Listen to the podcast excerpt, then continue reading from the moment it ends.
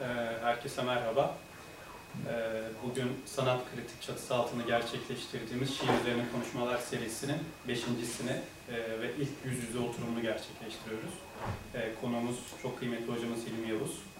Kendisiyle Yahya Kemal şiir üzerine konuşacağız. Ben bugüne kadar Yahya Kemal ile ilgili e, dolaşıma giren literatürden yararlanarak hocamıza bazı sorular yönelteceğim. Hocam hoş geldiniz. Hoş bulduk. Ee, ilk sorumuza başlayalım isterseniz. Ee, ilk sorumda Orhan Koçak'ın bir analizinden yararlanacağım hocam. Ee, Kara Kitap'la ilgili bir yazısında Orhan Koçak, Türk Edebiyatı'nda iki tür modernist eğilim olduğundan söz ediyor. Aralarında Yahya Kemal'in olduğu e, birinci modernist grubun dış dünyayla karşılaşmalarına rağmen inşa ettikleri ahenk estetiği sayesinde parçalanmadan kalmayı başarabildiklerini savunuyor. Bununla birlikte asıl modernizm ise 1950'lerden sonra e, ortaya çıktığını e, söylüyor Orhan Koçak. E, bu yoruma katılıyor musunuz? İlk sorun bu. Eğer katılıyorsanız da sizce Yahya Kemal'in yekpare şiiri hangi unsurlardan oluşuyor? Teşekkür ederim. Ee, önce e, ben de size hoş geldiniz. Sesim geliyor mu çocuklar? Mikrofondan gelmiyor sanırım. Geliyor mu? Biz duyuyoruz ama mikrofondan. Ee, önce ben de size hoş geldiniz e, diyorum. Şimdi bu soru aslında e, enteresan bir soru E, ve bana sorarsanız Orhan Koçak'ın değerlendirmesi çok ağır bir değerlendirme. Yani parçalanma sözü ve bu parçalanmanın sonucunda iki tür modernizmin e, ortaya çıktığına ilişkin görüşünü çok o, nasıl söyleyeyim belki de ağır dedim ama abartılı olduğunu düşünüyorum açık söylemek gerekirse.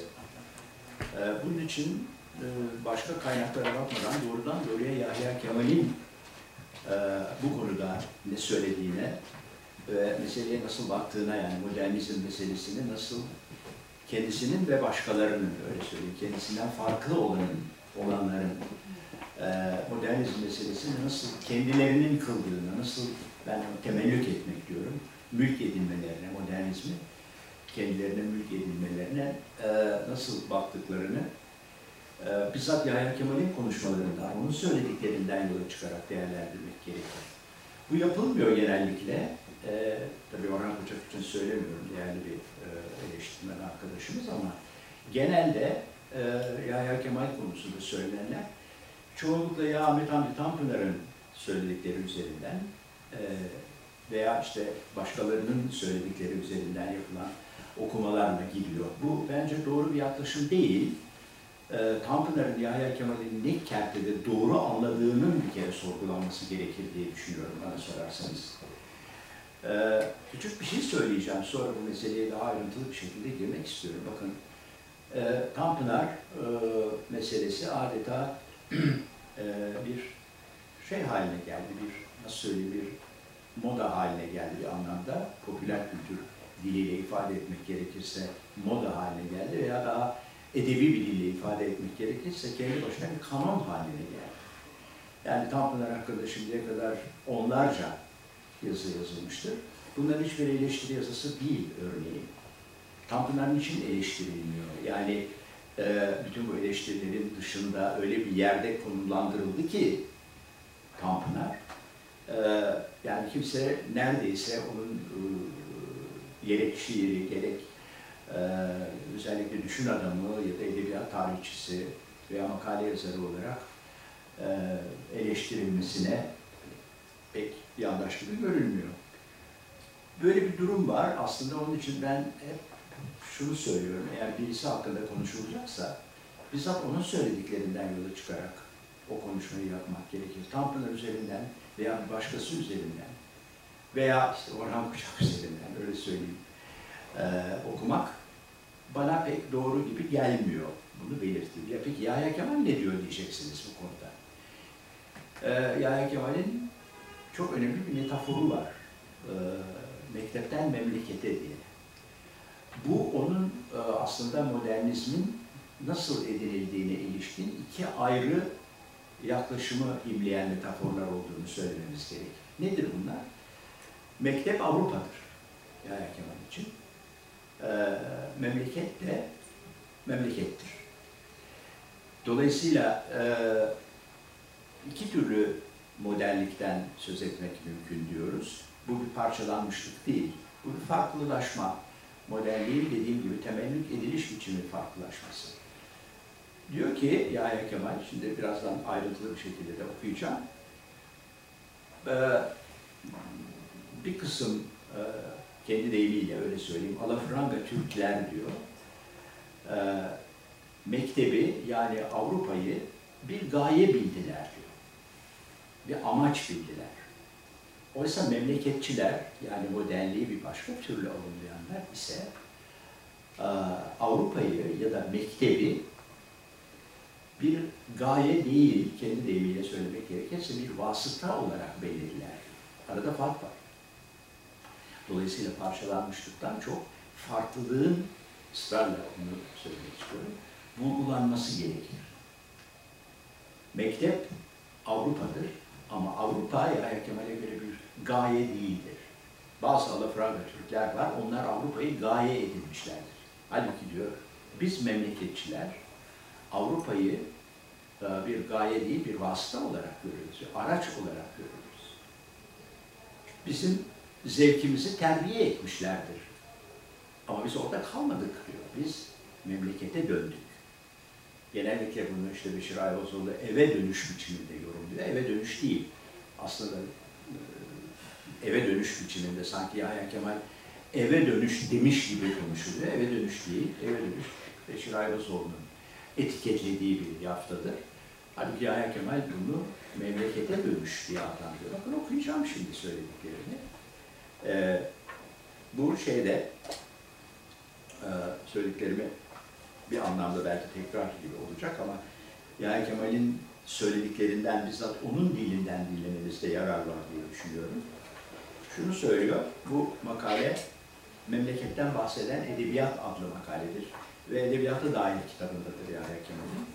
Şöyle diyor, e, 1870'ten sonra edebiyatta şarktan çıkmak, yani şark doğu, e, zaruret, e, şarktan çıkmak zarureti vardı. Çıktık.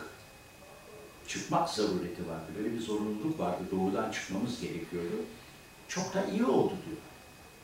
Avrupa kültürünün mektebine girdik. Avrupa kültürünün mektebine girdik. Orada okumaya koyulduk. O mektepte okumaya koyulduk. 70 seneden beri de okuyoruz. Yazık ki, yazık ki mektepten henüz çıkmadık. Hala bocalıyoruz. Milli ihtiyacı hiç duymadan ve duyar yaratılışta olmayan alafranga Türkler ile e, konuşmak bile faydasızdır. Çünkü onlar mektebi gaye telakki ediyorlar. Lakin mektep vasıtadır. Gaye bizim milliyetimizdir. Diyor. E, çok da başka şeyler de söylüyor ama şimdi bu kadarıyla iktifa edeyim. Mektep ve memleket problematiği açısından bakıldığında ortada herhangi bir parçalanmışlık yoktur. E, modernliği temellük ediş biçimi arasında fark vardır. Avrupalılığı bir tür amaç olarak benimseyenler vardır. Bir de Avrupalılığı ya da batılılaşma ya da modernleşmeyi nasıl isterseniz e, doğrudan doğruya bir vasıta olarak, bir araç olarak temellük edenler vardır. Diyor ki biz mektepli değiliz, mektepten yararlandık ama mektepten hala çıkmamış gibi görünüyorsak da çok yararlandık. Dolayısıyla biz bizim için mektep bir vasıtaydı diyor. Dolayısıyla ikili bir modernlikten söz etmek mümkün değil. İkili bir modernlikten değil, farklı modernlik anlayışlarının edinilme biçimlerinden, temellük ediliş biçimlerinden söz etmek gerekli diye düşünüyorum. Şey gelince, e, ahenk estetiği meselesine gelince, ahenk estetiği meselesi Yahya Kemal'in kavramı değil. Yahya Kemal'in kavramı deruni ahenktir. Eğer konuşacaksak dediğim gibi Yahya Kemal'in kavramlarıyla konuşmamız gerekir değerli arkadaşlar. Burada da mesele ahenk estetiği değil. Ahenk estetiğinin ne anlama geldiğini bilmiyorum. Ama Yahya Kemal'de ahenk e, deruni ahenk olarak, kendi deyimiyle deruni ahenk olarak veya Fransızcasıyla ritme interior olarak geçer. E, bunun anlamı da şudur. E, deruni ahenk e, şiirde e, nasıl bir e, müzikalite inşa etmek gerekir, şiirde nasıl bir müzikalite inşa etmek gerekir, onun dile getirilmiş biçimidir, onun kavramsallaştırılmasıdır diyorum yani. Nedir bu? Şu, diyor ki e, Yahya Kemal, şiirde öyle bir sentaksla, öyle bir söz dizimi ile yola çıkılmalıdır ki, öyle bir söz dizimi inşa edilmelidir ki, o söz dizimi bizde belli bir insanlık durumunu, bu hüzün olabilir, sevinç olabilir, coşku olabilir, yeis olabilir, akla gelebilecek bütün insanlık durumlarını şu ya da bu biçimde dile getirsin. Örnek veriyor örneğin. Yine bu kitapta şiir okumaya dair diye ilk makalesi var. Yani Kemal'in o makalede şunu söylüyor. Deruni ahenk bağlamında. Diyor ki, örneğin diyor Nedim'in şarkısı e, ele alalım. E, ayağın sakınarak aman basma sultanım dökülen mey kırılan şişe yerinden olsun. Şimdi burada düz bir okuma, düz bir okuma ne söylüyor? Ama sakın sakınarak dolaşma e, sevgili sultan, sevgilisi veya neyse. E, yani ayakların eğer şeye değerse, şarap kadehine değerse dökülebilir. Boş ver, aldırma. Kadeh mi kırılmış, şarap mı dökülmüş, umurunda olmasın diyor. Yani düz yazı olarak bu beyti okuduğumuzda bize bunu veriyorsun. Diyor ki Yahya Kemal, bu şiirin anlamını, bu şiirin anlamını böylesine bir düz yazı olarak okumak, e, ta aramamak gerekir. Burada belli bir insan, öyle söylemiyor tabii ben yorumluyorum bunu, belli bir insanlık durumu var. Bu insanlık durumu kendi deyimiyle söylemek gerekirse şiddet bir şevk anıdır. Hani e, insanoğlunun gerçekten büyük bahtiyarlıklar yaşadığı, hani e, gerçekten hiçbir şeyin bize çok önemli gibi, gibi görünmediği, öyle bahtiyarlıklar yaşamışızdır ya da yaşıyoruz ki, hani Stefan Zweig'in dediği gibi insanoğlu yıldızının parladığı anlar diyelim, öyle durumlar. Orada hiçbir şey umurumuzda değildi. Hatta ben derste çocuklarla şey yaparken bu dizileri biraz da biraz da çakır keyif okumak gerekir derim. Ökülenmeyi kırılan şişe illalmış. Çünkü buradaki insanlık durumu, yani Kemal'in tabiriyle o şiddet şevk anı, benim o büyük bahtiyarlık, e, gerçekten insanın yıldızının parladığı anlar olarak düşündüğümüz o büyük bahtiyarlık anlarını hiçbir şeyin bizim için önemli olmadığı bir insanlık durumu, bir coşku, bir şevk anı yani Kemal'in tabiriyle. Eğer sentaks yani söz dizimi bunu verebiliyorsa işte o zaman şiir bir bestedir diyor. Güfte değil, bestedir yani. Bakın şöyle söylüyorum. Bu söylediklerimi onun söyledikleriyle e, konsolide edeyim, pekiştireyim. Şöyle diyor.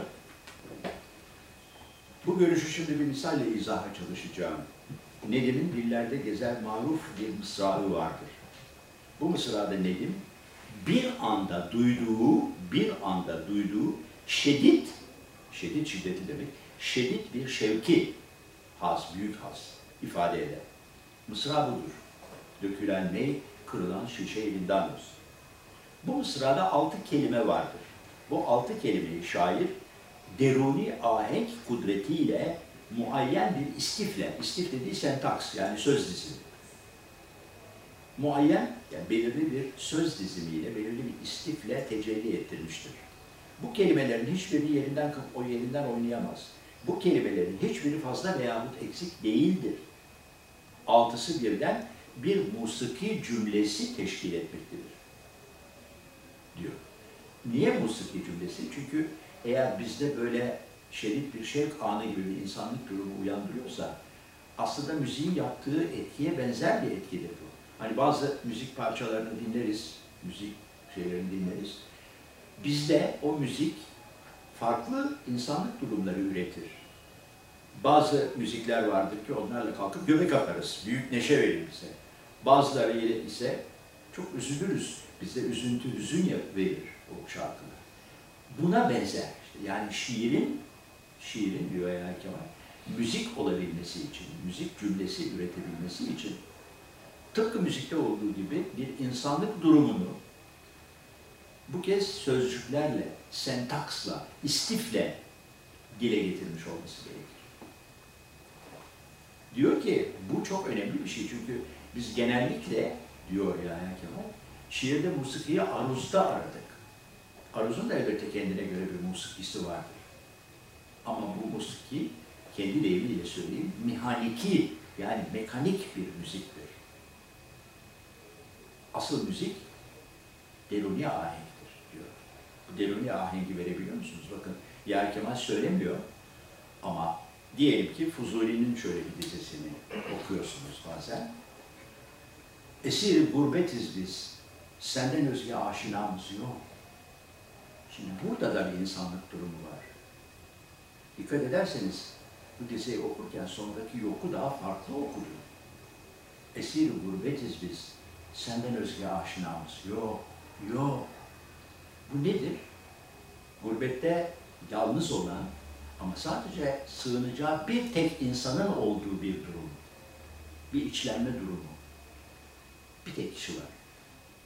Esir gurbetiz, gurbetin tutsağı oldu. Senden özge, özge başka demek, senden özge aşinamız yok. Senden başka sığınacağım, dost bildiğim, aşinası olduğum kimse yok diyor. Bu da bir insanlık durumu. Yahya Kemal'in farkında olduğu şey budur. Yani Yahya Kemal deruni ahengi icat etmiş değildir. Deruni ahenk bizim divan şiirimizde var, Fuzuli örneğinde olduğu gibi. Ya da kendi verdiği örnekten yola çıkarak söylersek, Nedim'de olduğu gibi. Yahya Kemal sadece bunun farkında olmuştur. Bu dizeler, Fuzuli'nin dizesi, Nedim'in dizesi, başkalarının dizeleri, yahu bu, bu, bu başka bir şey yapıyor bunlar, bize bir şeyler söylüyorlar ama aslında söylediklerinden daha başka bir insanlık durumunu dile getiriyorların farkına varmıştır Yahya Kemal. Neroni ahenk budur. Şimdi ahenk estetiği. Bu ahenk estetiği dediği şey aslında ne demek isteniyorsa ahenk estetiğiyle söylenmek istenen aslında deruni ahenktir. Bana sorarsanız. Yahya Kemal de çok açık bir şekilde bunun böyle olduğunu söylüyor zaten. Evet. Hocam demin e, mektepten memleketeden e, formülünden bahsettiniz. E, İsterseniz oradan devam edelim. Edelim.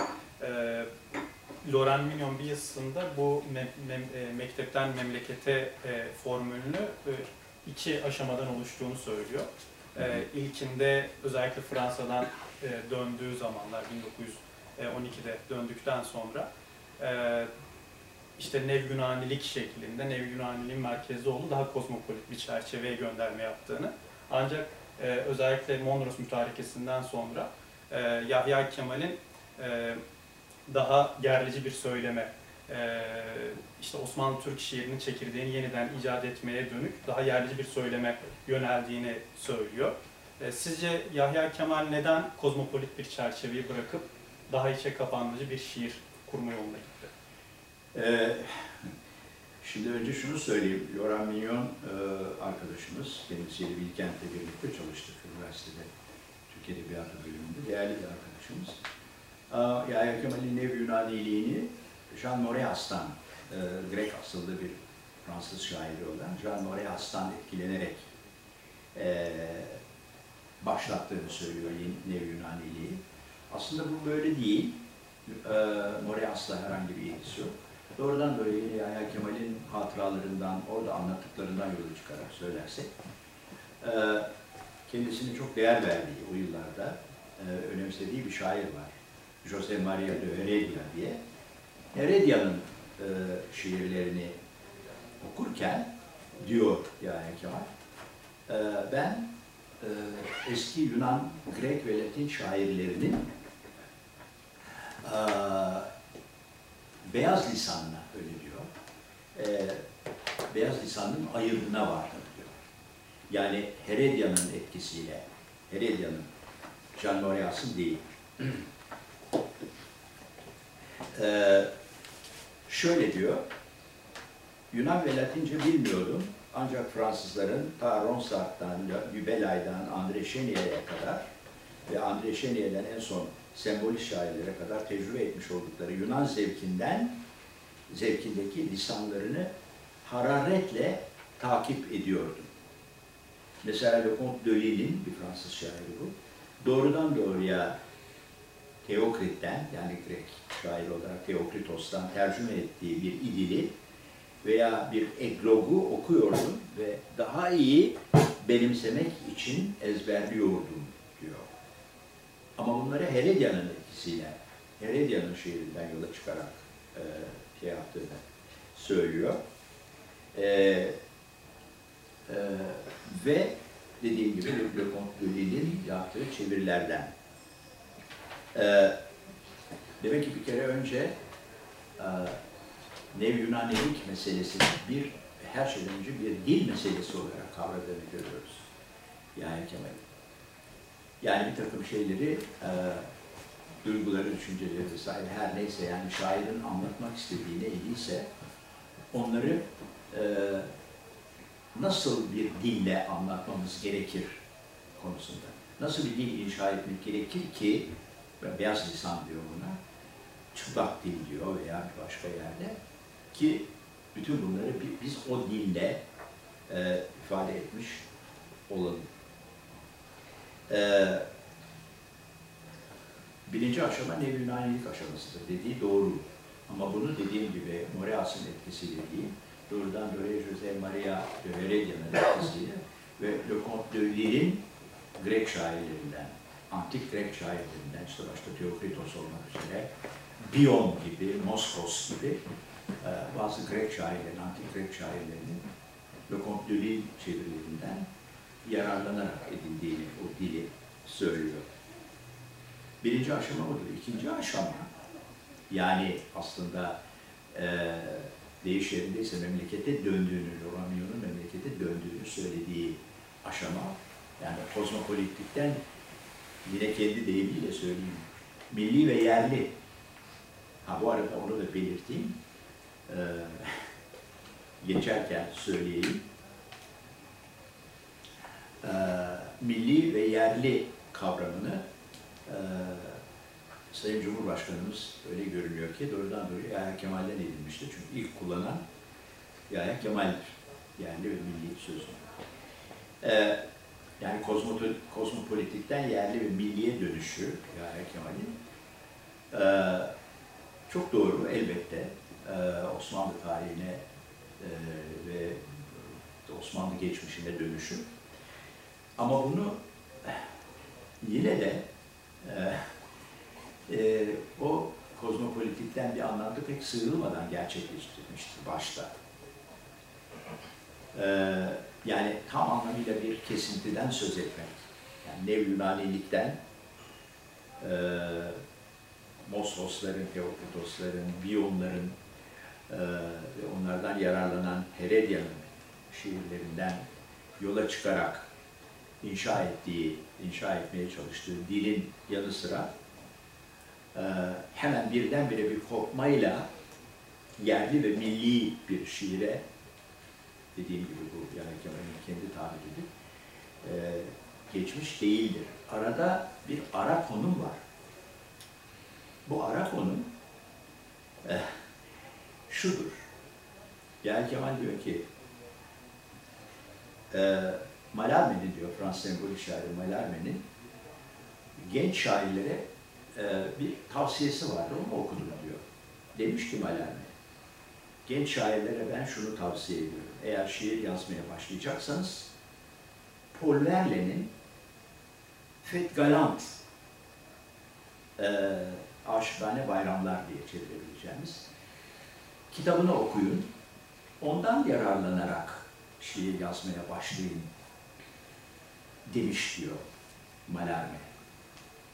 Verlaine'in Le Fet Galant Aşıkane Bayramlar e, kitabından bunu okuyun. Ondan yola çıkarak şiirler yazmaya başlayın demişti. Bu benim ilgimi çekti diyor yani Kemal.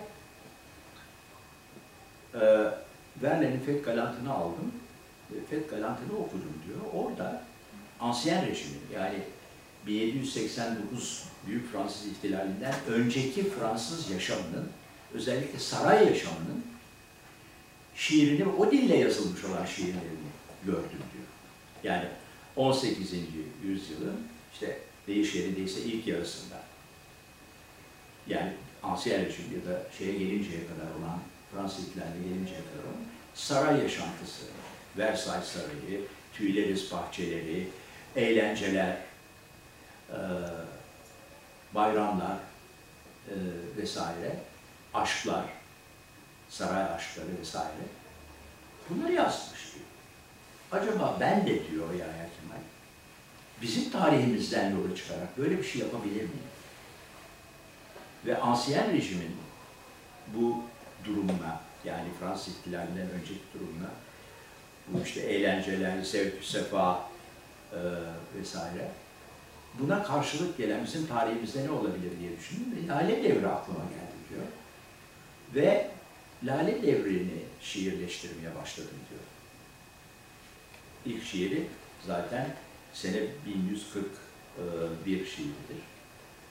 Ee, ve ondan sonra yazdığı şiirler işte e, Mahmurdan Gazel gibi e, bir mubeçeyle tanıştım da Lale Devri'nde diye başlayan.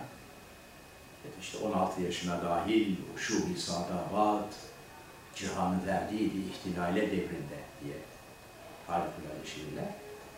Bunları yazmaya başladım. Lale Devri şiiri. Lale Devri şiirleri, Lale Devri şiirleri doğrudan doğruya Verlaine'in e, etkisiyle, Verlaine'in Fetkalant'ın etkisiyle onun yerli ve milli olan karşılığının ne olabileceği konusundaki e, düşüncesiyle ilişkili bir durumdur. Dolayısıyla bir ara konum var. Yani ara konum Lale Devri şiirleriyle ilgili.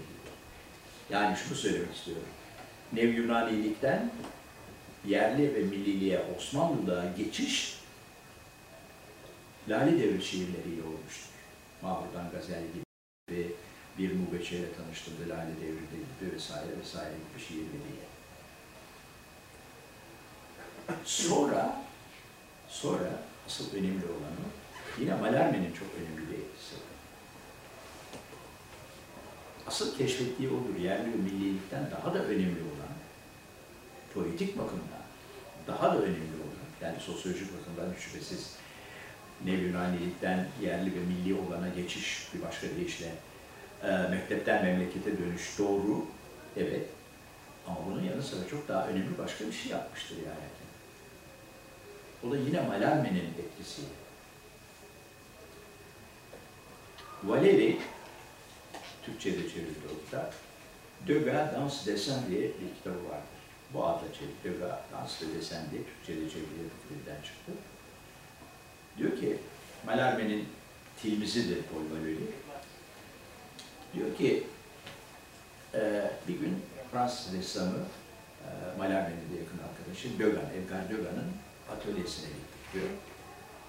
Bu şöyle, Döga Malerme'ye döndü dedi ki diyor, Üstad, yani benim de fikirlerim var, benim de fikirlerim.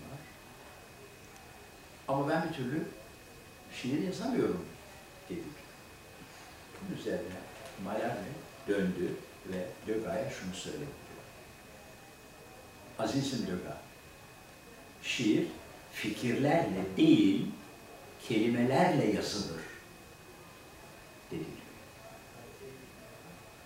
Bunu kendisi de diyor ki ben bunu bir diktum belirledim, bir, bir, bir yol gösterici, yol açıcı bir dizi olarak belirledim. Bir, bir, şey olarak belirledim. Ne demek bu? Bu şu demek, fikirlerle değil, duygularla değil, sözcüklerle yazılır. Bunu nasıl anlatacağız? Anlatmıyor ya Yahya Kemal bunu ama Malerme'nin neyi kastettiğini biliyoruz. Biliyoruz. O da şu. Ben hep öyle söyledim. Yani e, şiirde sözcüklerin iki türlü işlevi vardır derim. Metaforik olarak anlatmak gerekirse. Biri hammaliye işlevi, kelimelerin, sözcüklerin hammaliye işlevi. Anlamı taşıma işi. İkincisi kelimelerin işçi işlevi, üretme işi. Duygularla değil kelimelerle yazılır derken Mallarmé'nin kastettiği tas tamam budur. Yani oturup işte ben eee, dün gece ay ışığı vardı. Ay ışığında sahilde dolaşırken eee, yanımda sevgilimle eee, yakamozlara bakarak. Şimdi bu düpedüz şiirde sözcükleri hammaliye işleviyle eee, yükümlü kılmak. Bir takım sözcüklere bir takım duyguları yüklemek anlamı. Halbuki bakın şeyde öyle değil. Mesela Deruni ahenkte öyle değil. Deruni ahenkte kelimeler o insanlık durumunu bir müzik cümlesi olarak yeniden üretiyorlar. Nedim'in o dizesinde, dökülen ve kırılan şişe elinden olsun dizesinde. O istif, o sentaks ne yapıyor? O kelimeler bir anlam üretiyorlar. Bir müzik cümlesine dönüştürüyorlar. O dizeyi, dökülen ve kırılan şişe elinden olsun dizesini ve o dize, o şiirin anlamı olur. Dolayısıyla burada sözcükler anlam üretmektedirler. Anlam taşıyor değildirler. Hammaliye değil, hammaliye değil, işçi konumundadırlar. Taşıyıcı değil, üretici konumunda. Yani Kemal bunu, bunu söylüyor. Yani Mallarmé'nin söylediğinin e, yerli ve milli karşılığı öyle söyleyeyim, deruni ahenk. Bir daha söylüyorum. Mallarmé'nin şiir, fikirlerle değil, kelimelerle yazılır sözünün Yahya Kemal'deki karşılığı, hani yerli ve milli dediğim, Yahya Kemal'deki karşılığı deruni ahenktir. Çünkü orada artık dizeler, sözcükler bir deruni ahenk üretiyorlar. Ve o deruni ahenktir aslında şiddet bir şevk Fuzuli'de bir hüzün, bir içlenme, yani Nedim'de bir şey, eee, şiddet bir şevk anı. Kelimeler bir araya gelip böyle bir şey üretiyor. Ya Kemal bunun da farkında. Bir başka şey. Çok önemli. Ya, ya, yani Kemal'in Türk şiirine, bizlere yaptığı, min gayri şiir yazan insanlara yaptığı büyük katkılar bunlar. büyük katkı. Çok şey öğrendim ben yani Kemal'e. E, deruni ahenk meselesi mesela son derece önemli. Eğer bunu yapabiliyorsa şair, o zaman şiir bir güfte olmaktan çıkıp bir beste, yani hakiki manasıyla Yahya Kemal'in tabiriyle bir halis şiir diyor. Bence tabii sosyolojik olarak, sosyolojik olarak Nev Yunanilikten yani kozmopolitikten yerli ve milliye dönüş kadar dönüş kadar şiir dilinin inşasında Yahya Kemal'in katkısı poetik olarak, sosyolojik olarak evet ama poetik olarak katkısı çok büyüktür arkadaşlar. Çok büyük. Hocam bu yerli ve milli söylemine cepheden saldıran bir eleştiri paylaşacağım şimdi. İsterseniz oradan devam edelim. Ee, Beşir Ayvazoğlu, Yahya Kemal'in İstanbul'a bakarken e, söz gelimi bir nakkaş gibi değil, oryantalist bir ressam gibi baktığını söyler, e, biliyorsunuz. E, bu aslında aynı zamanda şunu ima ediyor, işte Türk kültür hayatındaki kendimize kendimiz gibi bakamayışımız meselesinin aslında kaynağında Yahya Kemal'in olduğunu, en azından Yahya Kemal'in bu sürecin faillerinden biri olduğuna dair bir ima da barındırıyor gibi. Ee, siz de söylediniz, Yahya Kemal daima yerli ve milli bir söylemin içinden, işte eskilerin tabiriyle uzviyetçi paradigmanın içerisinden anlatıla geldi. Ee, buradan hareketle Beşir Ayvazoğlu'nun yorumunu düşündüğünüzde Yahya Kemal'in oryantalist olduğunu düşünebilir miyiz? Şimdi bakın. Açıkça bir şey söylemek istiyorum aslında. oryantalizm bir pandemidir arkadaşlar. Ve bunun aşısı da yoktur.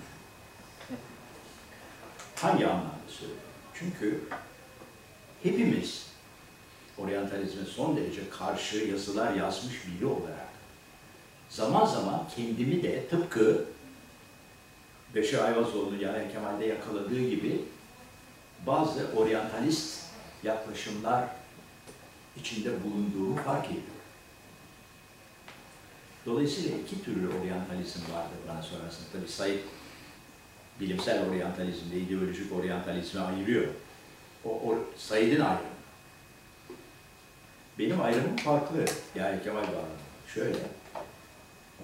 Ee, bir farkında olmadan benim e, pandemik dediğim durum yani farkında olmadan bazen hepimiz Avrupa'ya gıpta ederiz. Kaçınılmaz olarak. Ya Kemal diyor ki, e, Nihat Sami Banarlı ile yaptığı Ya Kemal yani Hatıralar kitabında diyor ki, bir itirafta bulunmak istiyorum diyor. Fransa'dan, Paris'ten 1912'de döndüğümde İstanbul'u görür görmez ilk manzara diyor, ilk manzara, ben de İstanbul'da bir köy izlenimi yarattı diyor Paris'ten sonra. Buna bakarak biz ya Kemal'i pekala oryantalist olarak kabul edebiliriz. İsterseniz Evliya Çelebi'yi de kabul edebilirsiniz mesela. Viyana- Viyana'yı anlatırken diyor ki sokakları o kadar temizdi ki bal dökülse yalanır diyor. Şimdi. İster istemez bizim sokaklarımızın pisliğiyle bir karşılaştırma. Bundan kaçınılmaz. Bunu yapıyoruz ama bunu bilinç dışı olarak yapıyoruz. Bu bilinç dışı bir oryantalizmdir. Aslında oryantalist olduğumuz için değil. Ben de yapıyorum, yani Kemal de yapıyor. Farkında olmadan yapıyoruz. Onun için bilinç dışı bir de yani Kemal'in işte alafranga Türkler dediği var ya, o alafranga Türkler bilinçli olarak oryantalistlerdir. Kim mesela söyleyeyim, Orhan Pamuk. Neden? Çünkü bunu açık ve seçik bir biçimde söylüyor. Diyor ki, benim yazdıklarımı, benim yazdıklarımı Avrupalılar beğenirse benim açımdan onun değeri vardır diyor. Bu ne demek? Türk insanı benim yazdıklarımı beğeniyor ya da beğenmiyor benim umurumda değil. Bu mesela önemli değil. Benim için önemli olan Avrupalı'nın benim edeb edebiyatım hakkında ne düşündüğüdür. Bu çok bilinçli bir oryantalizmdir. Şimdi Beşir Ayvazoğlu bu ayrımı yapmamış. Beşir'in kendisinin bile zaman zaman, Beşir'in kendisinin bile zaman zaman benim bilinç dışı oryantalizm dediğim türden bir takım oryantalizmlere düşmemiş olduğunu kim iddia edebilir? Hepimiz yapıyoruz. Bir pandemi bu. Kaçınılmaz bir şey. Zaman zaman Avrupa ile karşılaştırıyoruz. Ama bunu yerli ve milli kimliğimizi öyle söyleyeyim. Bunu Yahya Kemal'den alıntıladığım için söylüyorum yerli ve milliyi. Yerli ve milli kimliğimizi göz ardı etmeden yapıyoruz.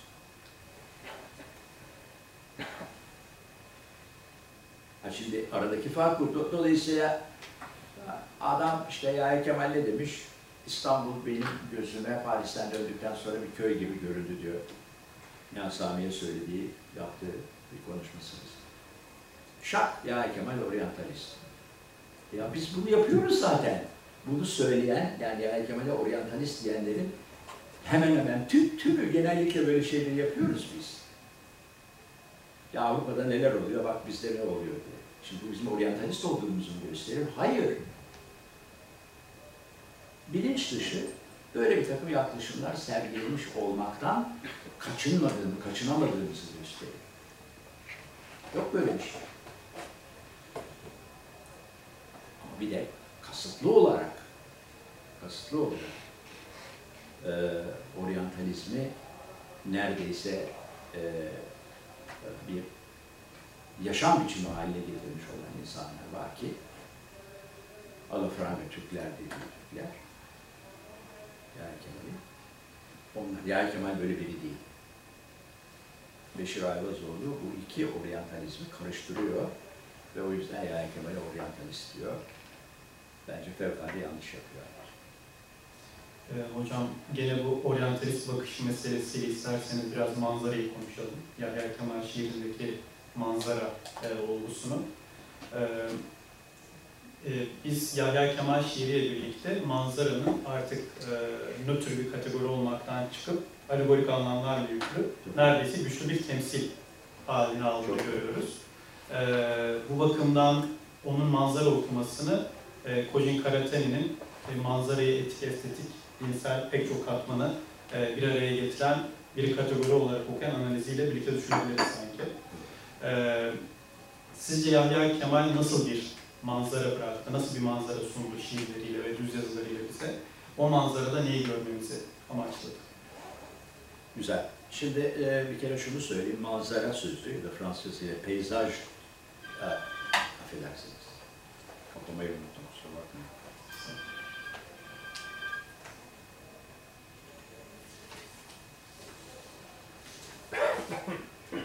e, manzara ya da peyzaj sözü sembolist şairlerin sıklıkla kullandığı bir sözdür. Ben şeyi hatırlıyorum, Verlen, deminden beri Verlen diyoruz ya işte bu Fekkanat vesaire dolayısıyla Aşıkhane Bayramlar. Onun bir dizesi var mesela. Ee, sevgilisi diyor ki ruhunuz seçkin bir manzaraydı diyor. Votre âme est un paysage choisi. Ruhunuz seçkin bir manzaraydı. Dolayısıyla manzara sözü sembolistler için sadece bir doğa parçasının e, görüntüsü değildir. Bir natürnot değildir manzara. Verlen'de olduğu gibi bir ruhun güzelliğini ya da seçkinliğini dile getirmek için kullanılan bir metafordur. Votre ruhunuz, bütün peyzaj choisi, seçilmiş, seçkin bir manzaradır ruhunuz diyor Verlen. Yahya Kemal'de de böyledir. Yani manzara sözü, peyzaj sözü sadece işte Üsküdar'ın görülmesi ya da başka bir şeyin görülmesi bir bizim Türkçe'de kullandığımız anlamda manzara ya da manzara resmi anlamında kullandığımız bir sözcük değil. Onlar çok daha geniş anlamları olan bir sözcük. Şimdi bakın Karatani'den söz etti. Ee, Hasan Turgut çok doğru. Aslında Yahya Kemal'de manzara gerçekten gerçekten eee, birkaç katmanda olarak okunması gereken tıpkı Verler'in dizesinde olduğu gibi birkaç katmanda okunması gereken bir sözcüktür. Manzara. Bunu şunun için söylüyorum. Yahya Kemal'in eee, çok önemli bir şeyi var. Eee, çok önemli bir dünya görüşü saptaması, tespiti var. Nedir biliyor musunuz? Saltanat. Şimdi genellikle e, şeyin e, Ahmet Hamdi Tanpınar'ın e, 19. asır Türk Edebiyatı'nın ikinci basımına yazdığı ön sözde bir saray istiharesi vardır bildiğiniz gibi. O sürekli saray istiharesi alıntılanır, ona atıfta bulunur vesaire falan. Bu saray istiharesinin ciddi maluliyetleri var. Kimse bunu dile getirmedi. Önemli değil. Geçelim. Tanpınar eleştirilmiyor çünkü. Çok ciddi maluliyetleri var saray istiharesinin. Onu geçelim. Bir tarafa.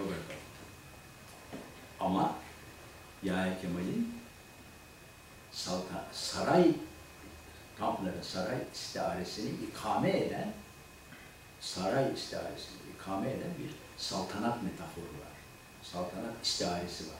İstihare metaforu. Bakın, nerede kullanıyor Yahya Kemal saltanat metaforu? Söyleyeyim. Erenköy'ünde bahar şiiri. Şöyle iki dize var. Sandım ki güzelliğin cihanda bir saltanatın güzelliği bir kadının güzelliğini saltanatın güzelliğine benzetiyor. Erenköy'ünde var. Canan aramızda bir adındı. Şiirin gibi üstüne ana ünvan, bir sahile hem şerefti hem şan. Çok kere hayalimizde canan bir şiiri hatırlatan Doğmuştu içimde ta derinden yıldızları mavi bir semanın, hazzıyla harap idim edanın, halen tehayyilim sedanın, gönlümde kalan hislerinden. Nefsim iyi, kainat iyiydi. Yıldızlar o yanda, biz bu yanda. Hülya gibi hoş geçen zamanda sandım ki güzelliğin cihanda bir saltanatın güzelliği. Bir kadının güzelliği. Bir. İki. Itri şiiri yani. Itri'de saltanat şöyle bir dizede geçiyor. Itri'nin tekbiri biliyorsunuz Itri'nin tekbirini. Hepimizin çok iyi bildiği.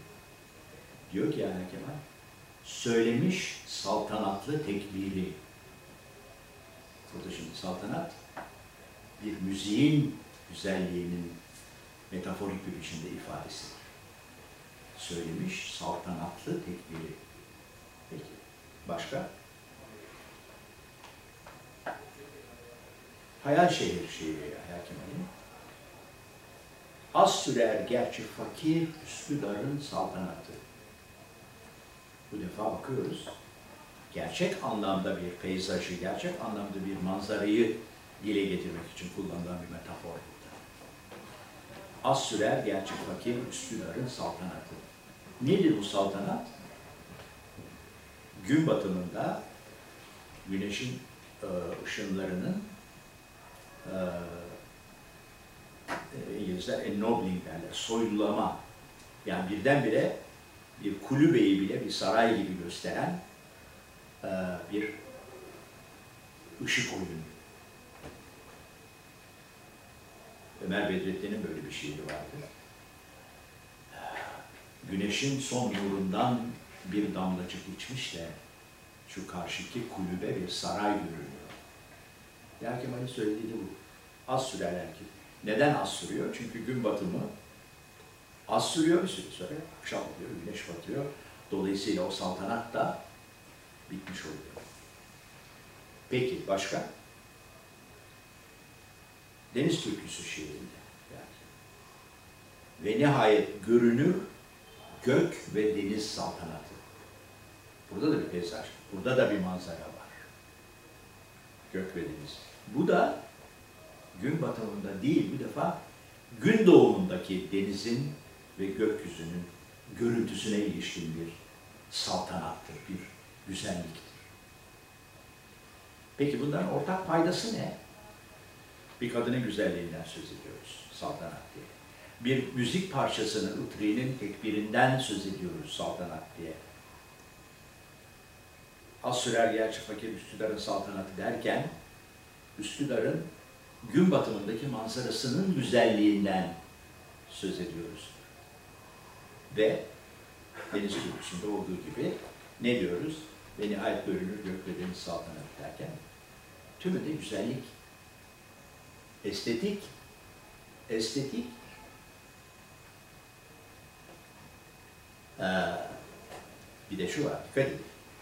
Şimdi meseleye antropolojik olarak baktığımızda e, iki büyük alan var antropolojide. Doğa ve kültür.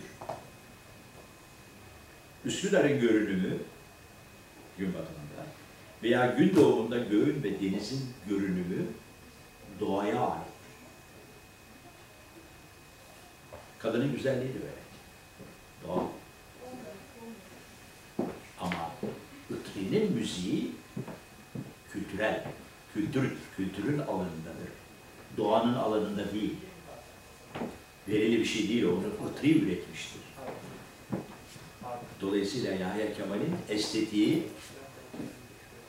Yahya Kemal'in saltanat metaforuyla kuşatıcı bir biçimde, altını çizerek söylüyorum, kuşatıcı bir şekilde dile getirdiği o büyük estetik, hem kültürü hem doğayı kuşatan bir estetik.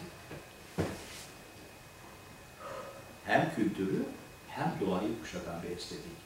Doğayı kuşatıyor, dediğim gibi Üsküdar, gün batımı, gök ve deniz gün doğumu, kadının güzelliği. Peki Utri söylemiş saltanatlı tip bile diyor. Kültürün adı.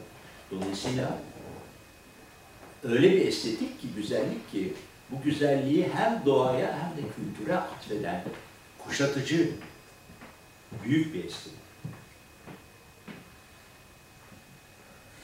Ee,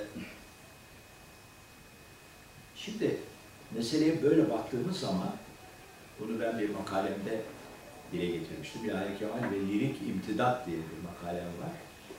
Ee, Edebiyat ve Sanat üzerine yazılar kitabındadır bu. Orada bu saltanat metaforunu ayrıntılı bir şekilde, şimdi size e, özetlediğim bu meseleyi daha ayrıntılı bir şekilde anlatıyorum. Şimdi manzara bu Kemal. Manzara sadece dediğim gibi şey değil, bir doğa parçasının görünümü değil, bir kadının görünümü, bir müzik parçasının idraki. O da bir manzara Yahya Kemal için.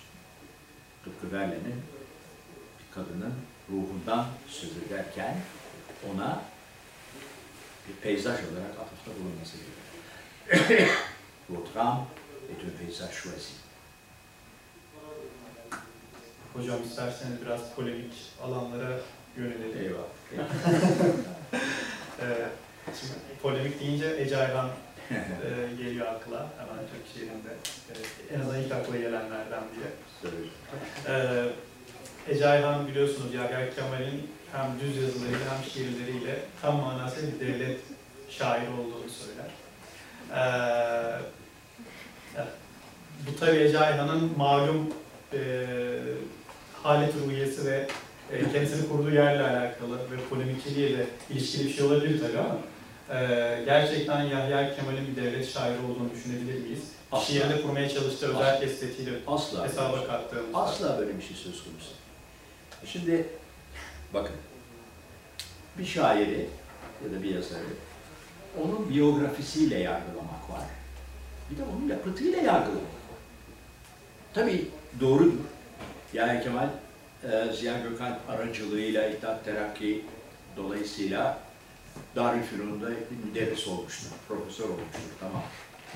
Üniversite mezunu değil Yahya Kemal idadiyi bile bitirmemiştir. İdadiyi bile bitirmemiştir. Yani lisede. Fransa'da Mö Koleji'nde işte biraz Fransız okumuştur ama e, şeyde e, siyasal bilgiler okulunda e, ki öğrenciliğini sürdürememiştir biliyoruz. Ama üniversitede profesör olmuştur. Darülfünun Üniversite diyorum affedersiniz. Osmanlı döneminde Darülfünun, Darülfünun'da profesör olmuştur. Cumhuriyet döneminde Cumhuriyet döneminde dört ya da beş vilayette ilin milletvekili olmuştur. Yozgat, Tekirdağ, Urfa, İstanbul. Milletvekili. Sonra Büyükelçilik. Daha önce Büyükelçilik. Zamansal olarak. Varşova. Sonra işte İspanya, Portekiz, Orada plenipotansiyel olarak var. Hem İspanya'ya hem Portekiz'e bakıyor. Daha sonra da Pakistan, Karachi. Şimdi biyografisine bakıyoruz. Adam müderris. Devletin adamı olmasa müderris olur mu? Devletin adamı olmazsa büyükelçi olur mu? Devletin adamı olmazsa, devlet şairi olmazsa e, milletvekili olur mu? Olmaz. Biyografisine bak. Peki, yahu Ey Ece Ayhan, ey sevgili kardeşim, canım benim. Sen şu Yahya Kemal'in şiirlerine baksana yahu. Bu şiirlerden neyin, hangi devletin bir organik aydını, Gramsci'yen anlamda bir organik aydını olarak bakıyor meseleye. Bir de örnek ver ya. Ya böyle bakılınca adam Cumhuriyet döneminde Cumhuriyet döneminde divan şiiriyle, divan edebiyatını yeniden üreten şiirler yazıyor. Cumhuriyet döneminde. Şimdi ya da şeye bakıyoruz, Eskişehir'in rüzgarı ile tarafa bakalım. Kendi gök kubbemize bakıyoruz. Kendi gök kubbemizde yani daha sade bir Türkçe ile yazdığı şiirlere baktığımızda onun şu ya da bu biçimde devletin şairi olduğunu, devletin resmi ideolojisiyle şu ya da bu biçimde örtüşen, o ideolojiyi üreten ya da yeniden üreten bir şair olduğuna ilişkin bir kanıt var mı? Bir kanıt var mı onu söyleyin. Nereden devlet şairi oluyor? Ha milletvekili olmuş. E olur ya. Milletvekili olmasına bakarak mı onun devlet şairi olduğunu söyleyeceğiz? Yoksa şiirlerine, makalelerine, yazılarına bakarak mı? Hangisini? Kararı verin. Eğer devlet şairi olarak Yahya Kemal'i adlandırmak istiyorsanız tabii doğrudur. Ee, Osmanlı döneminde Da- Darülfünun'un isteğiyle, Cumhuriyet döneminde milletvekilliğine, mebusluğa daha doğrusu ve orta el, büyük elçi olmuştur. Orta elçiliğine bakarak ona evet devlet şairi diyebilirsiniz. Ama ben biyografisine bakmıyorum. Bana ne biyografisinden? Benim için kalıcı olan şiirleridir. Düz yazı metinleridir. Çünkü devletin adamı olmak, devletin ideolojisini nedir? Devletin şairi olmak. Devletin şairi olmak, Gramsci'nin anlamda organik aydın olmak demektir. Yani devletin resmi ideolojisini üreten ve yeniden üreten bir kimliktir. Tırnak içinde devlet şairi olmak. Yoksa yani milletvekili oldu, ha devletin adamı oluyor. Böyle bir şey. Bakın ben size bir şey söyleyeyim. Çok da endişelenmiştir. Çünkü harf inkılabı sırasında, harf inkılabından hemen sonra, 1928'den hemen sonra Varşova'dan gelir, Gazi Mustafa Kemal Paşa'nın Ankara'da konuğu olur, köşkte ve kendisine harf inkılabıyla bir milletin bir günde cahil olduğunu söyler. Bu mudur devletin ideolojisi? Buna rağmen bakın, buna rağmen Gazi Mustafa Kemal Yahya Kemal'i harcamamıştır biliyor musunuz? Harcamamıştır. Çünkü, çünkü onun özellikle Kurtuluş Savaşı sırasında, milli mücadele sırasında yazdıklarını Ankara'ya gitmemiştir, doğru. Ama yazdıkları özellikle işte Alfred de Vigny'nin o kurdun ölümünden yola çıkarak yazdığı veya Eğil Dağlar kitabını aldığı yazıda okuyunuz. Sonra Mustafa Kemal Paşa yani Kemal'i kabul ettiğinde demiştir ki ya Kemal Bey biz sizin yazılarınızdan cesaret aldık. Dolaptan, dolaptan Mustafa Kemal Paşa, dolaptan Yahya Kemal'in gazetelerde gerek mütareke döneminde gerek daha önce yazdığı yazılardan kestiği kupürleri göstermiştir yani. Bunlar başta kurduğun ölümü olmak üzere. Bu Eğil Dağlar'daki yazı, kitaptaki yazı. Neyse yani sorun şu, adam devlet şairi falan değil, ilgisi yok.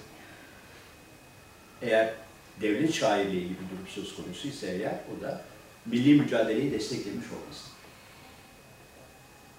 Eğer milli mücadeleyi desteklemek devlet şairliği olarak eleştirilmek anlamına geliyorsa onu da Ece Ayhan'ın izanına bırakıyorum. Hocam Ya da insansızlığına bırakıyorum. e, bu devlet şairliği meselesi sanki aynı zamanda Osmanlı dönemini tekrar güncelleştirme e, ye dönük yani Yahya Kemal'in o tarz şiirler yazmasıyla ilgili de bir eleştiri olarak düşünülebilir sanki bana öyle geliyor. Sadece mütareke değil de işte örneğin siz Eskişehir'in rüzgarı ile kitabını, kitabıyla ilgili yazınızda söz ediyorsunuz. E, Ya- Yahya Kemal'de reaksiyoner bir tarih saplantısı yok. Yok tabii. Orada aslında dilin kendi kendine gönderme yapması, kendi kendini imlemesi var diyorsunuz. Evet. Ama aynı zamanda o kitapta mesela Çaldıran'dan bahsetti. Çaldıran Savaşı'ndan bahsetti, Mısır Seferi'nden bahsetti, Böyle. ee, işte Alparslan'dan bahsettiği bölümler de var. Bana sanki Ece Ayhan'ın aklında böyle bir şey var gibi geliyor, ona devlet şairi derken Ya Osmanlı Devleti'nin şairi yani. gibi. Ben, Cumhuriyet döneminde Osmanlı Devleti'nin şairi olmak. İlginç. Bu bir şey meselesi mi yani? ya zaten Osmanlı'ydı da Ece Ayhan'ın meselesi olduğunu biliyoruz. En azından devletlilerle e, meselesi olduğunu bildiğimiz için onun devamı gibi görüyor gibi geliyor bana. Neyse yani Ceyhan konusunda bir şey söylemek istemiyorum. Ee, hocam bu isterseniz e, Demirsiz Ayvazoğlu'nun kitabından bahsetmiştiniz. Ee, bir- eve dönen adam diyor Yahya Kemal için. Böyle bir Ee, şey yok. Eve dönmek diye bir şey yok. Memlekete dönmek diye bir şey yok. Orhan Koçak da bununla birlikte unutamayan adam der Yahya Kemal için. Ee, biz Yahya Kemal şiirinde annenin ve özellikle anneyle özdeşleştirilen Üsküp'ün temsiline baktığımızda Yahya Kemal gerçekten eve dönebilmiş midir bunu söyleyebilir miyiz? Yoksa o ev e, Lakanca anlamda bir eksiği e, telafi egzersizi olarak mı karşımıza çıkıyor? Şimdi e, burada yani unutamayan adam unutamadığı doğrudur. Yani Üsküp onun için e, her anlamda ve her veçesiyle kendisinin ifadesiyle söyleyeyim Türk olan bir şehirdir. Mesela daha sonra işte e, idade için Selanik'e gidiyor biliyorsunuz. Selanik'i bir Türk şehri olarak e, temellük etmiyor. Yani burası başka bir yer diyor, burası daha Avrupa yani işte azınlıklar var vesaire falan vesaire. Ama Üsküp için daima öyle düşünmüştür. Bu doğru. Üsküp'ü unutamadığı da doğrudur. Ee, bu bir. İkincisi annesini ve annesi kadar annesinin dadısı olan kendisini dediği nanası var onun. Nanayı unutmadığı da kesin. Sadece değil bakın. Şimdi çocukluğum, gençliğim, siyasi ve edebi hatıralarım diye bir kitabı var Yahya Kemal'in. Orada bakın, kimleri unutmamış? Size söyleyeyim. Yani sadece annesini değil. Söyleyeyim. Annesi tabii başta. Nanası. Nanası kim? Annemin, nanam annemin dadısıydı diye başlıyor. Annesinin dadısı. Şöyle bir cümle var. Beni çok etkiledi bu. Diyor ki nanası için, yani annesinin e, dadısı için, safi iyiliğin gülümser bir hüzün olduğunu onun şahsında gördüm. Safi iyiliğin, safi iyiliğin gülümser bir hüzün olduğunu onun şahsında gördüm. Ezelden masum, mahzun bir kalbi vardı. Lakin yüzü daima gülümserdi diyor. Hayatta kendisini unutmuş, yalnız etrafını ve bilhassa etrafında doğan ve büyüyen çocukları düşünmekte olduğu anlaşılırdı. Öyle bir kadın. Yazısının nanası ile ilgili yazısını şöyle bitiriyor. Yeryüzünde onu tanımasaydım, nanası için söylüyor, yeryüzünde onu tanımasaydım, insanlık hakkında bedbin yani kötümser bir fikir taşıyarak hayattan geçecek. Müthiş bir şey. Diyor ki eğer ben nanamı tanımasaydım bütün bir hayatım benim kötümserlikle geçecekti. Onun varoluşu, onun benim hayatımda oluşu dünyaya iyimser bir biçimde bakmamı sağladı. Safi iyiliğin gülümser bir hüzünle dile getirildiğini ben bu kadında gördüm diyor. Düşünebiliyor musunuz? Bir kadını gördüm, hayatım değişti demek istiyor yani. Hadi öyle söyledim. Eğer kadın tanımasaydım bütün hayatım bedbinlikle geçer, kötümserlikle geçecekti diyor. Yeryüzünde onu tanımasaydım insanlık hakkında bedbin bir fikir taşıyarak hayattan geçecek. Bunlar nasıl? Başka kimleri? Deli Ahmet. Üsküp'te. Uşak Hüseyin. Dadım Zeynep. Kendi dadısı. Mektepteki hocaları. Yeni mektepteki. Üsküp'teki. Vesaire vesaire. Bunları hatırlıyor. Ve bunları unutmamış, unutmadığı yıllar sonra, 50 yıl sonra yazdığı bu kitapta. Yani sadece annesini hatırlıyor değil. Evet, yani annesiyle ilgili e, şiirleri de var, doğru. Ama sadece annesini unutmuş değil. Hayatında Üsküp çok önemli. Onu unutmadı. Ama hayatında İstanbul diye de bir şehir var bu adamın. Aziz İstanbul diye kitabı var adamın. İstanbul'u azizlik kertesine yükseltiyor. Ne demek bu? Şimdi yani Yahya Kemal'i annesi ve Üsküp'le sınırlandırıp belli bir yere koymak var. Oradan bakmak var. Evet, evet. Ama bu Yahya Kemal'in kendisini vermez bize. Yahya Kemal demek sadece annesi ve Üsküp değil. Onun Orhan Koçak haklı unutamadıkları var. Ama Deli Ahmet'te var, Nanası da var, Uşak Hüseyin de var. Vesaire vesaire. Bunlar da var. Her neyse. Bu çok önemli bir nokta bence. Yani e, bir de şu var. Yani giderek bizde böyle bir, bir tabii bunda saatleri ayarlama enstitüsündeki işte Doktor Rahmet'in vesairenin etkisi de olabilir büyük ihtimalle. Bir psikanaliz merakı başladı. Ee, belli bir takım şeyler seçilip onlar üzerinden psikanalitik okumaya gidiliyor. Tabii okuma yapılabilir. Ama bu okumayı sadece okuma biçimlerinden biri olarak kabul etmemiz gerekir. Bunu mutlaklaştırmamamız, mutlaklaştırmamamız gerekir. Bu okumadır, başka türlü okunamaz gibi. Yok böyle bir şey. Pekala psikanalitik bir biçimde okunabilir, eyvallah. Ama psikanalitik okumanın dışında başka bir takım okumaların da mümkün olabileceğini göz ardı etmemek lazım. Bu tür modalara kendimizi kaptırmamamız lazım diye düşünüyorum. Psikanalitik okum, tamam, yapılsın. Ama bunu bir tek okuma biçimi olarak dayatmanın hiçbir manasını yok yani. Evet. Hocam demin Aziz İstanbul'dan söz ettiniz. Yahya Kemal tam manasıyla İstanbul şairi ama e, bu meselenin bir de teknik yönü var. Özellikle Aziz İstanbul'daki bir yazısında okuduğumda çok şaşırmıştım. E, şöyle bir şeyden bahsediyordu. E, işte artık otomobil devrinde yaşadığımızı ve e, bu gerçeklikten hareketle Boğaz'ın her iki yakasına geniş yollar yapılması gerektiğinden e, ve e, icap ederse e, gerekirse işte e, kayık ve yalı gibi eski hayata ait unsurların kolaylıkla göz ardı edilebileceğine dair cümleler kuruyor Aziz İstanbul'da. E, bu aslında Necip Fazıl'ın ideoloji örgüsünde tasarladığı Metropolis'le e, benzeşen e, bir e, öneri. E, siz Türkiye'deki muhafazakar ve İslamcı akımların sık sık bu sanayileşmeci söyleme başvurması hakkında ne e, düşünüyorsunuz? Şimdi bir kere hemen şunu söyleyeyim. Bu yazısını biliyorum ya Kemal'in Aziz İstanbul'daki başka yazısı var mesela. Kör kazma yazısı var. Orada da orada da e, işte özellikle e, Budapeşte'de ve Viyana'da e, yapılan tarihi eserlerin vesairelerin falan e, yok edilmesine ilişkin şey diyor ki orada sadece o değil, bizde de yapılıyor.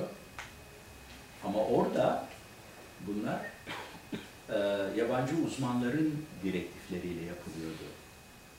Bizde ise kör kazma millet evladının elinde diyor. Biz kendimiz yıkıyoruz diyor. Şimdi Yahya Kemal'in bazı durum, şimdi meseleyi çok perspektif olarak düşünmek lazım. Yahya Kemal'i e, bir açıdan meseleye başka bir biçimde, bir açıdan başka bir biçimde bakmasının mümkün olduğunu düşünüyoruz. Yani böyle bir çelişki yok bana sorarsanız. Yani bir taraftan İstanbul'un e, imarı konusunda bir takım değişiklikler yapılması gerektiğini önermek, öte yandan da e, tarihi e, yapıları e, korumaya önem vermek, ağırlık vermek ya da onu savunmak arasında ben bir çelişki görmüyorum. Nedense hep bizde bu böyle çelişki olarak görünüyor. Adam İstanbul'da Boğaz'ın yollarını açalım, Boğaz'da geniş yollar açalım dedi. Dolayısıyla eee, işte çok yanlış bir şey söylüyor. Tamam. Yanlış bir şey söylemiyor aslında. Bir şehri elbette eee, 18. yüzyılda ya da o- yani 1 milyon kişinin ve 500 bin kişinin yaşadığı İstanbul'u düşünün. Bir de yani ne bileyim ben o yıllarda diyelim 8 milyon, 9 milyon insanın yaşadığı İstanbul'u düşünün. Yani Şimdi bile bir sürü problem var meseleyi biliyoruz yani bir sürü değişiklik yapılması gerekiyor. Yani dolayısıyla günün gereklerini yerine getirme bağlamında yani Kemal'in söylediklerinde bir şey yok. Ee, yani eleştirilecek bir yan yok bence. Kesinlikle. Evet. Bir yandan da tarihi eserlere sahip çıkılması gerektiğini söylüyor. Ya İstanbul'u mitik düzeyde idealleştiren bir şairin e, işte kayık gibi, e, yalı gibi şeyleri yani yol yapacağız. Gerekirse bunları göz ardı edebiliriz. Bu onun sonu yok gibi geliyor bana. O yüzden e, biraz e, paradoksal geldi. E, bu Tabii aslında biraz meseleyi. bugün yaşadığımız problemlere de aslında e, ulaşan bir boyutu var bu meselenin. E, işte günümüzde de İstanbul'un tarihsel manzarasının e, hem Ortodoks İslamcı siyaset hem neoliberal kalkınma söyleminin harmanlandığı bir e, pratiğinde tarif edildiği bir zaman diliminde yaşıyoruz malum olduğu üzere. E, söz gelimi Turgut Cansever gibi ki bence Turgut Cansever'in önerdiği mimari model aslında e, geleneğin de e, güncelde kendisine yer bulabileceğine, işte kozmolojik uyumun vesaire bu tarz şeylerin de gözetilebileceğine, e, daha belki heterodoks, yatay mimari anlayışların şehirde uygulanabileceğine dair bir e, içgörü de sunuyor. Ama o modeller bugün geri plana itilmiş durumda. E, sizce Yahya Kemal İstanbul'un yeniden hafızasının çağrılmasında bir kaynak şiir olarak okunabilir mi? Turgut Cansever bağlamında da soruyorum bunu. İkisi bir paralellik düşünebilir miyiz? Tabii düşünebiliriz. Şöyle yani bir kere e, Üsküp gibi İstanbul'un da bir e, Müslüman şehir olduğu konusunda e, Yahya Kemal'in herhangi bir şeyi yok, herhangi bir itirazı yok. E, şey gibi düşünmüyor, Selanik gibi düşünmüyor İstanbul. E, özellikle fetihten sonrası için tabii e, fetih Yahya Kemal için son derece önemli bir şeydir. Önemli bir meseledir aslında şeyden başlatıyor biliyorsunuz yani Anadolu'nun Türkleşmesini 1071'den başlatıyor. Alparslan'ın e, Malazgirt Savaşı ile başlatıyor. E, işte fetihle 1453 ile vesaire tam biliyor. Müslüman şehir haline gelişini ifade ediyor falan. E, şimdi e, meseleye şöyle bakmak lazım. Osmanlı e, yine Turgut Cansever'in çok önemli bir tespiti vardır. Sen de çok iyi bileceksin. O da şudur diyor ki e, tabiatla şehir arasında varlık alanları olarak bir farklılık yoktur. İslam'da bunların ikisi birdir diyor. İslam'ın tevhid anlayışı gereği, İslam'ın tevhid anlayışı gereği tabiatla, doğayla şehir arasında herhangi bir ayrım söz konusu değildir. Bir. İkincisi, ikincisi yine Turgut Bey'in e, kendisiyle yaptığım özel konuşmalardan bir yola çıkarak şey yapıyorum. Söylediği şey şudur. E,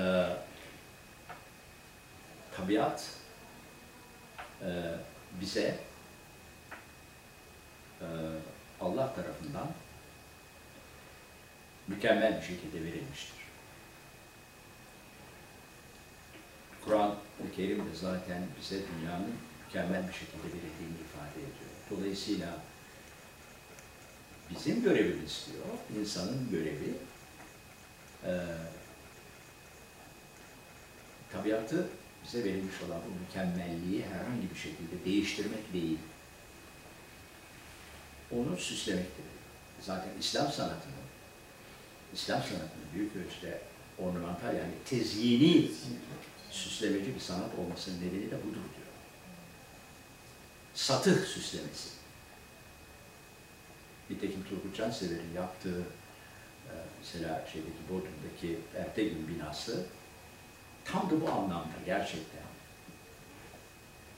binanın sathının yani bize görünen cephesinin öyle söyleyeyim tam bir süslemeci anlayışla e, inşa edilmiş olduğunu görmek mümkündür. Yani o çok enteresan. Zaten kendisi de bu örneği veriyor. Şeye bakın diyor yani. Benim Ertegün binasına bakın Bodrum'daki. Şimdi nedir o zaman? Tabiata dokunmayacağız diyor. Yani şehri inşa ederken, şehri e, yapılandırırken yapmamız gereken doğaya, onun tabiriyle söyleyeyim, dokunmaktır diyor. Yok etmek değil. Yok etmek, değiştirmektir. Bize Cenab-ı Allah'ın mükemmel bir şekilde vermiş olduğu, Turgut Bey söylüyor, bize mükemmel bir şekilde vermiş olduğu bu dünyayı bizim işimiz, hatta Peygamberin bir hadis-i şerifinden de söz ediyor, bizim işimiz dünyayı güzelleştirmektir diyor. Yani İslam'ın bu anlamda estetik bilen olduğunu kesinlikle savunmuştur ki burada Yahya Kemal'le örtüşüyorlar. Demin söylediğim gibi yani Yahya Kemal saltanat metaforuyla hem doğayı hem kültürü çok geniş ve kuşatıcı bir biçimde bir estetik e, formasyonla değişelimdeyse diye getiriyorsa aynı şeyi Turgut Bey'in de doğayla, e, tabiatla şehir arasında herhangi bir ayrımın olmaması. Çünkü tabiatla kültür, şehir kültür, tabiat, ikisinin birliği. Bu noktada aslında batılı modern Tabii. düşünceyi eleştiriyor. Tabii.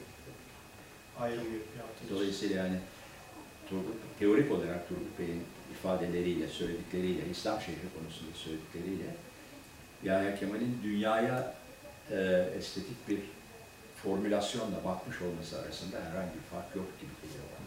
Bir tarafta Turgut Bey doğa ve şehir diyor, Yahya Kemal doğa ve kültür diyor. İkisi, ikisinin de meselesi tabii. Hocam son soru olsun isterseniz sizin için uygunsa. Ee, e, bir yazınızda kendinizi e, Yahya Kemal'in, Haşim'in, Necati'nin olduğu bir silsileye eklemlediğinizi görüyoruz. Ee, aralarında temel farklılıklar da olan bu şairler size nasıl ulaştı? Özellikle Yahya Kemal bahsinde soruyorum. Ee, örneğin Tanpınar'ı şiir yazmaktan vazgeçiren Yahya Kemal kendisinden sonraya nasıl bir miras bıraktı sizce? Şimdi söylemek istediğim şu aslında. Önce onu cevaplayayım, sonra Tanpınar'a geleceğim. Şimdi bakın şairin eee, bir poetikası olmalı. Bakın Orhan Veli'nin poetikası var. Garip ön sözüne bakıyorsunuz, poetikası var. Necip Fazıl'ın poetikası var. Yahya Kemal'in poetikası var. Haşim'in poetikası var. Bunlar metinler, met- metinsel olmuş söylemlerdir. Metne dönüşmüş söylemler. Haşim işte Piyale sözü, şiir hakkında bazı mülahazalar. Yahya Kemal'in özellikle Leroni ahengi ve şiirin bir beste olduğunu söylediği şiir okumaya dair adlı makalesi bir, bir poetika metnidir. Orhan Veli'nin dediğim gibi garip ön sözü. Necip Fazıl'ın poetikası. Asaf Halet Çelebi'nin poetikası. Necati Gil'in bile yazdığı da öne sürdüğü görüşler. Ama şairlerin büyük bir bölümünün poetikaları yok. Ne demek poetikaları yok? Yani şiirden neyi bekliyorlar, niye şiir yazıyorlar, e, nasıl şiir yazıyorlar, bunları herhangi bir şekilde dile getirdikleri ya da söylemselleştirdikleri, bütünleştirdikleri e, bir şey yok. Şimdi bana göre şairin bir poetikası olmalı. Yani şair ne yaptığını bilen insan. Her ne kadar Platon, diyaloğunda diyaloğunda e, şairlerin ne yaptığını bilmeyen insanlar olduğunu ileri sürüyorsa da bunlar yaptıkları için hesabını veremezler diyor. Logos Didonai. Bunlar yaptıkları için hesabını veremezler bu şairler diyor. Şeye benzerler diyor. Bir çiçekten öteki çiçeğe koşup e, bal özü toplayan arılara benzerler diyor. İyon diyor yanında. Ben o konuda değilim. Şairlerin ne yaptıklarını bilen insanlar olması gerektiği kanısındayım. Ne yaptığını bileceksin. Bunun adı da politikadır. Şimdi Yahya Kemal'in, Haşim'in, eee Behçet Necatigil'in ve Asaf Halet Çelebi'nin bir ortak noktaları var değerli arkadaşlar. Bu da şudur. Yahya Kemal'e bakıyorsunuz. Yahya Kemal'de hem Nedim var, hem Nedim var, hem Baudelaire var. Mesela Yahya Kemal'in sessiz gelişiyle artık demir almak günü gelmişse zamandan meçhule giden bir gemi kalkar bu limandan diye başlayan şiirle Baudelaire'in Le Voyage seyahat şiirinin 8. bölümü arasında büyük bir paralellik vardır. 8. bölümünün ilk dizesini söyleyeceğim size. Şöyle. Fransızcasını söyleyeyim, sonra Türkçesini söyleyeceğim. Oh mort, vieux capitaine, il est temps, levons l'ancre. Ölüm, yaşlı kaptan. Vakit geldi, demir al. Baudelaire söylüyor. Peki o zaman Yahya Kemal ne diyor? Artık demir almak günü gelmişse zamandan. Baudelaire ne diyor? Ölüm, yaşlı kaptan. Vakit geldi, demir Bu bir intihal mi? Metinler arası bir şey mi? Alüzyon mu? Nedir? Hayır bakalım. Ama Baudelaire var. Ee, Nedim var. Nedim var. Veya bir beytinde söylediği gibi böyle beş beyti bu güyende redif üzere kemal Naili söylese bir alemi mana söyler diyor. Naili'ye atıfta bulunuyor. Niye Naili'ye atıfta bulunuyor? Bir tek Türkolog çıkıp bunu araştırmadı kardeşim. Ya ne yapıyorsunuz siz ya? Niye Naili söylese bir alemi mana söyler diyor ya Kemal. Niye başka bir şairin adını söylemiyor kardeşim? Zahmet edip Naili divanına açın bakın. Ben açtım baktım. Açtım baktım. Ve buldum niye söylediğini. Çünkü Naili diyor ki bir şiirinde. Yok bizde feyz alemi manayı bilmeye. Yok bizde feyz alemi manayı bilmeye. Naili söylüyor. Ya Kemal ne diyor? Üstad diyor, sen böyle söylüyorsun ama manayı, alemi manayı bilsen bilsen sen bilirsin diyor. Bunu ben bulup çıkardım. Merak ettim çünkü yahu. Niye bunu söylüyor? Niye Naili diyor böyle beş beytin bu Yuyen de Redif üzere Kemal Naili söylese bir alemi mana söyler diye. Naili söylese bir alemi mana söyler. Naili diyor ki bizde alemi manayı bilmeye feyz yok diyor. Ha, diyor ki. Şimdi eee dediğim gibi hem hem bizim geleneğimizin şiiri var. Yahya Kemal'de hem modern şiir var. Yani gelenekselin ve modernin benim o çok sevdiğim ve bu konferansta da sıklıkla tekrarladığım bir kavram da söylemem gerekirse ikisini birden hem o hem o biçimde temellük etmişliği var. Aynı şey Haşim için de söz konusu. Haşim'in şiirine bakıyorsunuz. Bunlar daha önce yazılmış makalelerdir. Ben uydurmuyorum.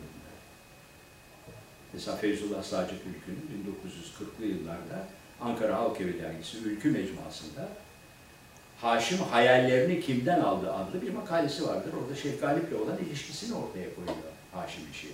Demek ki Galip var. E, buna karşılık Edebiyat Fakültesi'nin Türkiyat Mecmuası'nda Nihat Mimçetin Hoca'nın bir makalesi var. O da Haşim'in batılı kaynakları üzerindedir. Ben söylemiyorum bunları, orada yazılı. Kim? Reynier gibi, Albert gibi bunlar post sembolist şairlerdi. Ya sembolizmin babaları var ya, Baudelaire, Verlaine, Rimbaud, Mallarmé vesaire. Onlar babaları. Lanetli şiirler, Hippolyte Moody. Onlardan sonra gelen sembolist, post sembolist kuşağın şairleri. Nihat Çetin Hoca gösteriyor onları. Ha demek ki, ben söylemiyorum. Demek ki hem modern şairler, post sembolistler gibi, hem de hem de bizim Galip gibi bizim geleneğimizin şairi. Aynı şey Necati Gil için de söz konusu. Necati Gil'e bakıyorsunuz. Necati Gil zaten bir şiirinde söylüyor, ölü şiirinde mesela.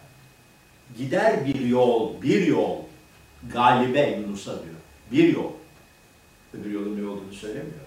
Ama biz biliyoruz öbür yolun ne olduğunu. Alman şehrine gidiyor, Rilke'ye gidiyor, Heine'ye gidiyor. Trak'la gidiyor. Ekspresyon şairlere gidiyor. Asaf Halecik'i zaten söylemeye gerek yok. Bir taraftan sürrealist bir şiir, Galatasaraylı'dır kendisi ama bir taraftan da Mevlevi. Sema Mevlana gibi müstesna bir şiiri yazmıştı. Sema Mevlana şiiri Türk Edebiyatı'nda söylenir şey değildir. Rahmetli Çavuşoğlu öyle söylerdi. Söylenir şey değildir. hakikaten. Peki bunun anlamı ne? Bunun anlamı şu değerli kardeşim. Bunun anlamı şu.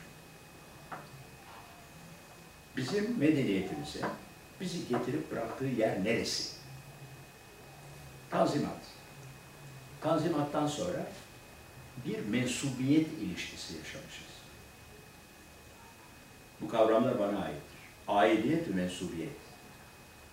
Biz geleneksel olarak, geleneksel olarak belli bir kültüre, belli bir medeniyete aitiz. Belli bir medeniyete aitiz biz. Bunun adı İslam medeniyetidir. Bu aidiyet ilişkisi. Tanzimatla birlikte bir başka medeniyete ne yaptık? İntisap ettik. Mensubiyet edindik. Mensup olduk. Ha, şimdi nedir mesele? Mesele şudur. Bugün Türkiye'de ikisi birlikte yaşanıyor. Gündelik yaşamımızda görüyoruz. Gündelik yaşamımızda gelenekseli ve moderni birlikte yaşıyoruz. Zaman zaman birimiz ötekini ötekileştirmek gibi gayretler içinde oluyoruz, tamam. Ama o tutmadı, tutmaz da. Tutmaz da. Ne demek bu? Şu demek. Eğer e, medeniyet durumumuz bizim hem doğulu hem batılı hem geleneksel hem modern olmamızı birlikte edinmemiz gerektiğini dayatıyorsa ki dayatıyor o zaman bugün Türkiye'de başörtülü hanım kızlarımızla, mini etekli hanım kızlarımız birlikte var oluyorlarsa bu gelenekseli ve modernin somut olarak gündelik yaşamımızda bir aradalığı demektir. Hem o hem öteki demektir. Birini ötekine karşı kullanmak yanlış. Bizim medeniyeti bıraktığı yer burası.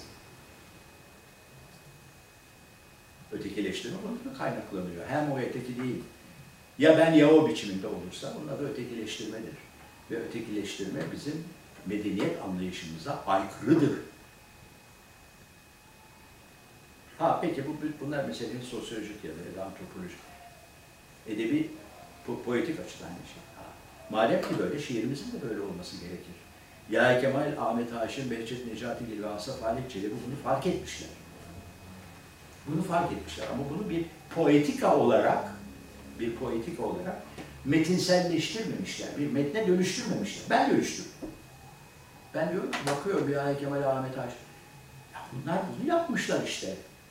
Medeniyet durumumuzla birebir bir karşılıklı, bir mütekabiliyet, bir korespondans içinde göstermişler bize.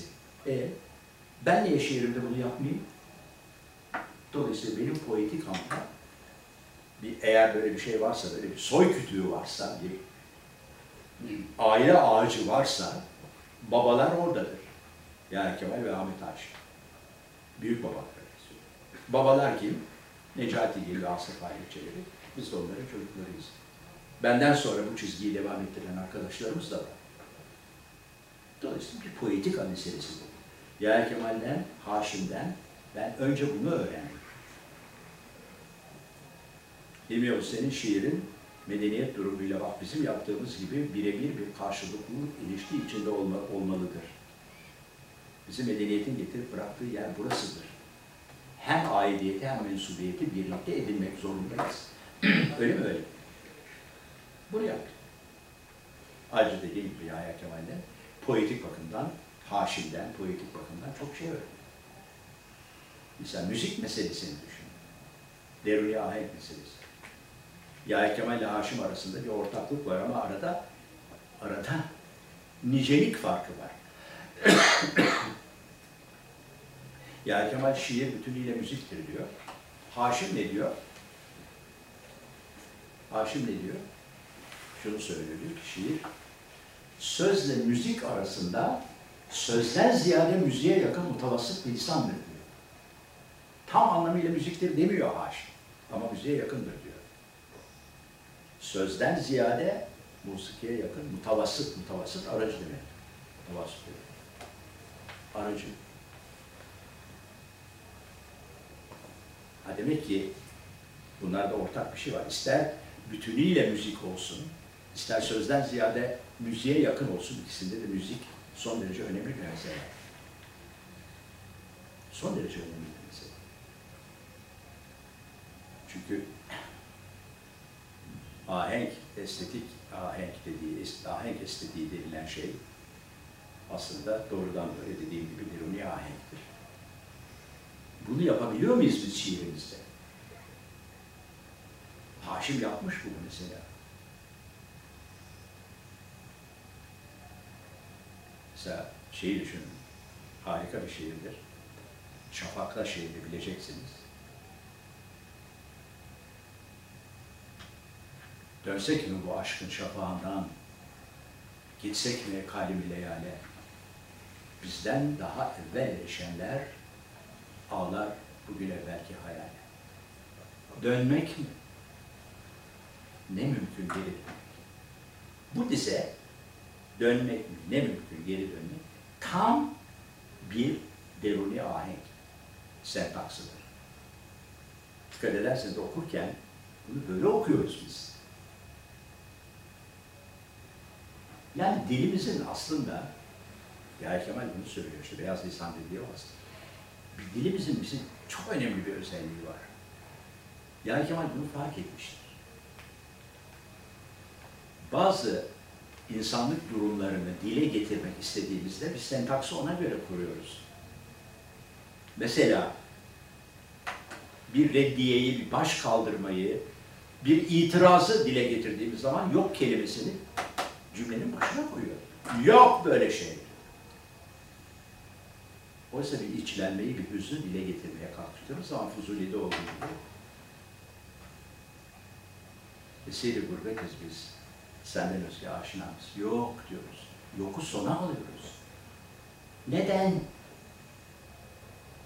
Bu sentaks diyor ya ya Kemal. Zaten dilimizde var. Ben bunu icat etmedim. Deruni ahengi ben icat etmedim. Bizim dilimizde var bu.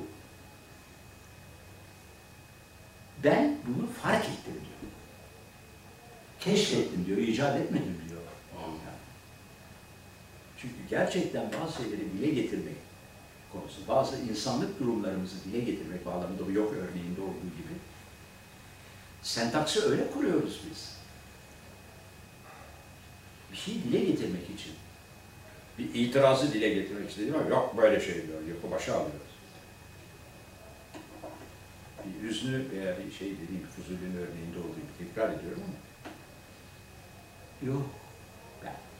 Elde avuçta bir şey yok. Yani Kemal diyor, ben bunu keşfettim diyor, icat etmedim diyor yani. Bunları hep neler öğrendik? Bunları ben bu adamdan öğrendim ya. Bu adamdan öğrendim.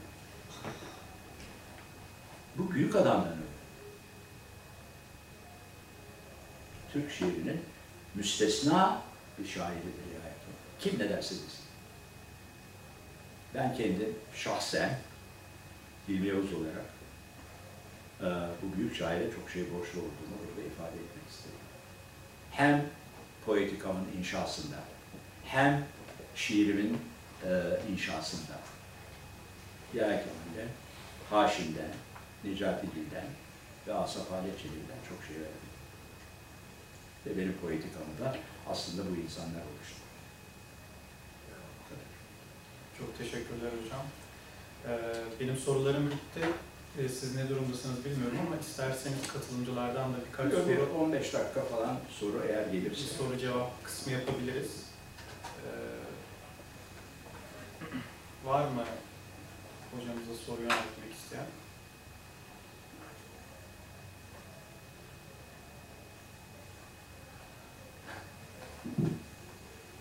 Dinleyicileri büyülemişim. Hipnotize olun. Ben böyle diyorum da millet de şey diyor. Amma kendini beğenmiş, amma burnu havada, amma ukala. Ben kendi kendime dalga geçiyorum. Sersem herifler.